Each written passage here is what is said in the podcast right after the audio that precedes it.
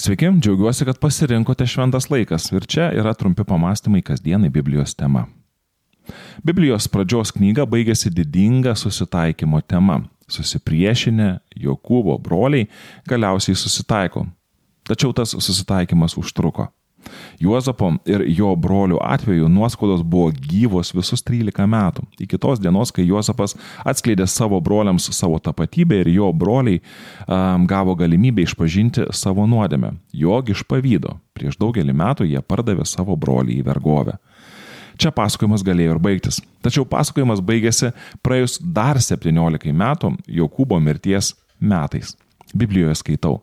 Juozapo broliai, matydami mirusi tėvą, pradėjo baimintis. Galbūt Juozapas dar griežia ant mūsų dantį ir panorės mums atkeršyti už visą piktą, ką mes jam padarėme. Jie užkalbino Juozapą sakydami, prieš mirdamas mūsų tėvas liepė, sakykite Juozapui, aš prašau tave atleisti nusikaltimą ir nuodėmę savo broliams, kurie taip nedorai su tavimi pasielgė. Taigi dabar prašome atleisti savo uh, tėvo, um, tavo tėvo tarno, uh, tarnų nusikaltimą. Jiems taip bekalbant Juozapas apsiverkė, jis tarė, nebijokite, nejaugi aš esu Dievo vietoje. Be to, nors jūs ir sumanėte man piktą, Dievas pakeitė tai gerą, leido išlaikyti daugelį žmonių, kaip jis šiandien ir daro. Pradžios knyga 50 skyrius 15-20 eilutės. Juozapas anksčiau priminęs broliams, kad nėra Dievas ir jis neketina jo vaidinti, e, dabar primena, o koksgi vis dėlto Dievas yra. Skaudus dalykai nutinka mūsų gyvenime ir mes norėtume, kad jų nebūtų. Tačiau pažvelkime į visą skausmą, kurį išgyvename kiek iš kitos perspektyvos. Juozapas sako, visame tame Dievas nuveikė labai gerų dalykų, parduodamas parduodami savo brolį į vergystę, na, jie atvėrė kelią Juozapui tapti viso Egipto valdytoju ir kraštą užklupus sausrai bei badui, Juozapas turėjo visas galės padėti kenčiantiems ir prislėgtiesiems, kurių tarpe buvo ir Jokūbo šeima. Kai jautiesi įskaudintas, patikėk didesnių Dievo planu. Tai yra tikras paguodos ir jėgų šaltinis jei ištinka sunkumas, tikėk, kad tai gali virsti tikrą palaimą. Aišku, aš nenoriu perduoti minties ar pasakyti, jog Biblija moko, kad pats Dievas yra autoris to sunkumo.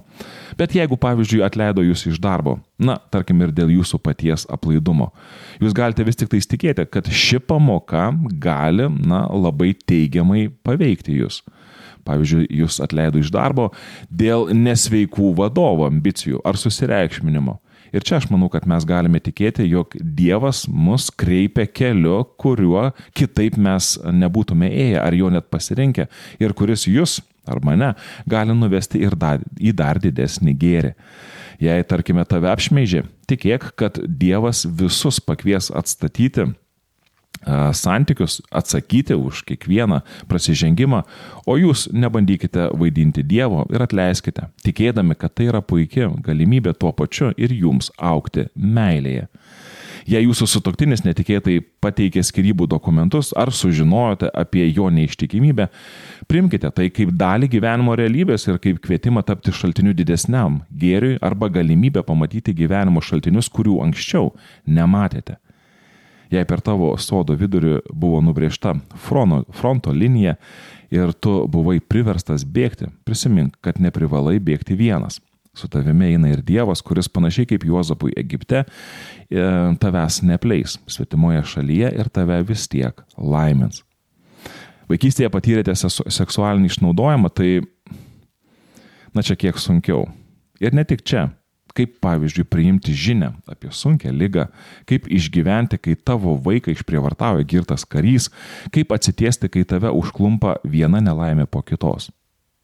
Čia žmogiški patarimai, kuriuos minėjau anksčiau, beveik pasiekia savo naudingumo ribą ir dažnai gali tekti gyventi kaip Juozapui, ne paaiškinimais, o Dievo pažadais. Žinau tik tiek, kad žmonės atsitiesia ir po baisesnių tragedijų. Ir kartais dingus visai žemiškai paguodai ir palaikymui, žmonės tik tada atranda tikrą paguodą ir atramą Dieve.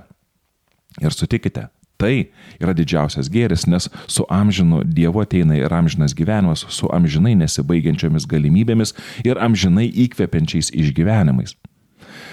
Ši žemė yra pilna erškėčių ir akmenų, dažnai į juos nusimušime savo kojų pirštus ar iki kraujo susibražysime pėdas. Juozapas primena, kad iš visų situacijų Dievas išves ir atves į kažką visiškai kitą bei gerą. Ir tą palaimintą vietą Dievas atves tik tuos, kurie yra pasiruošę ir patys aukti. Jei tikimės, kad pasikeis aplinkybės, o mes liksime tokie, kokie buvome, nieko nebus. Juozapas tapo palaimą ir viskas išėjo į gerą, nes kelionėje jis pasikeitė. Keistis turėjo ir Juozapo broliai. Juozapas broliams priminė, kad tai, kad nors jie buvo sumanę piktą. Ir čia vėl norisi priminti, kad žmogus, ne Dievas planuoja piktą. Ir turbūt skaudžiausia, kad tą piktą sąmoningai ir nesuplanuoja artimi žmonės. Tačiau Dievas paėmė tai, ką jie sumanė, um, buvo numatę arba suplanavę piktą, pavertė į gerą. Dievas paima visą tą nuodėmės išdarkytą situaciją ar širdį ir imasi kūrybos, bandydamas sukurti kažką gerą. Kai prieš savo nukryžiavimą Jėzus meldėsi, mokiniai miegojo, nes jiems mažai te rūpėjo, ką Jėzus išgyvena ir jie visiškai nesuprato, kasgi čia vyksta. Kai Jėzus kabėjo ant kryžiaus, visi jo bendražygiai buvo jau seniai pasislėpę. Vienas iš jų Jėzų išdavė, kitas išsižadėjo. Net prisikelimo rytą Jėzus randa mokinius liūdnais veidais bėgančius iš Jeruzalės, o Jeruzalėje pasilikusius tyliai sėdinčius už užsirakinus duris septyniais užraktais. Jėzus prisikelia, ateina pas savo mokinius ir sako jiems, nebijokite.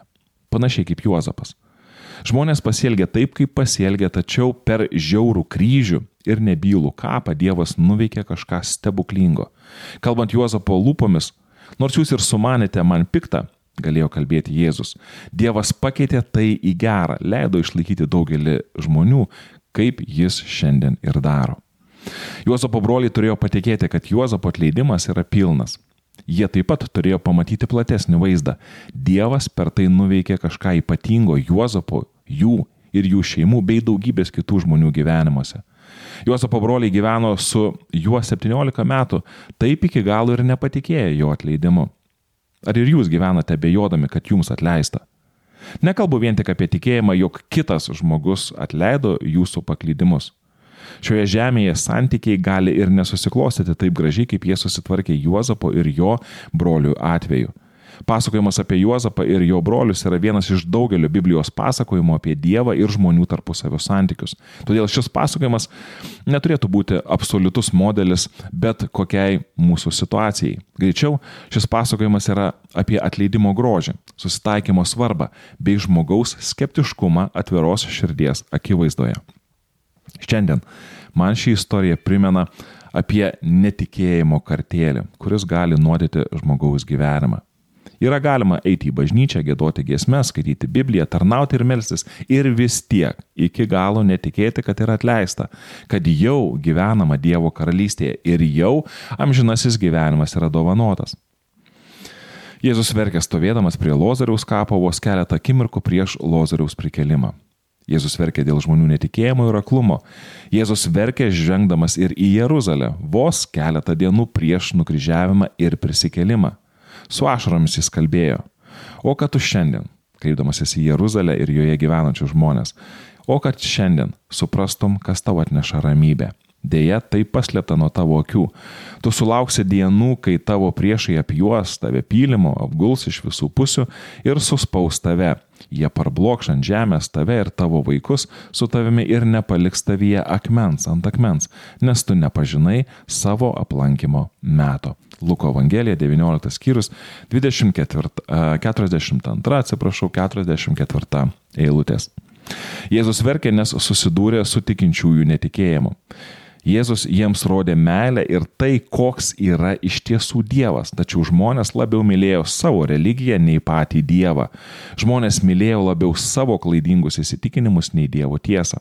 Ir tai vienintelis dalykas, kuris Jėzų vedė į neviltį ir ašaras.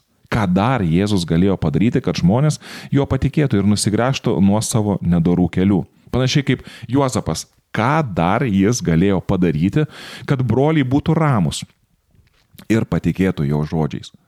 Juozapas kalbėjo ir drąsino, ir žadėjo. būkite be baimės. Aš pats pasirūpinsiu jumis ir jūsų mažyliais. Taip maloniai jiems kalbėdamas jis juos įtikino galų gale. Pradžios knyga 50 skyrius 21 eilutė. Broliai galiausiai patikėjo Juozapo žodžiais ir nusiramino. Tai puikiai iliustracija ne tik žodžio galios mūsų tarpusavio santykiuose, bet ir to, kad nusiraminti Dievo akivaizdoje galime ir mes, tik patikėję Jėzumi ir jo žodžiais. Jūs klausėtės šventas laikas. Tikiuosi, kad tai, ką jūs girdėjote, buvo tai, ko jums šiandien ir reikėjo. Iki.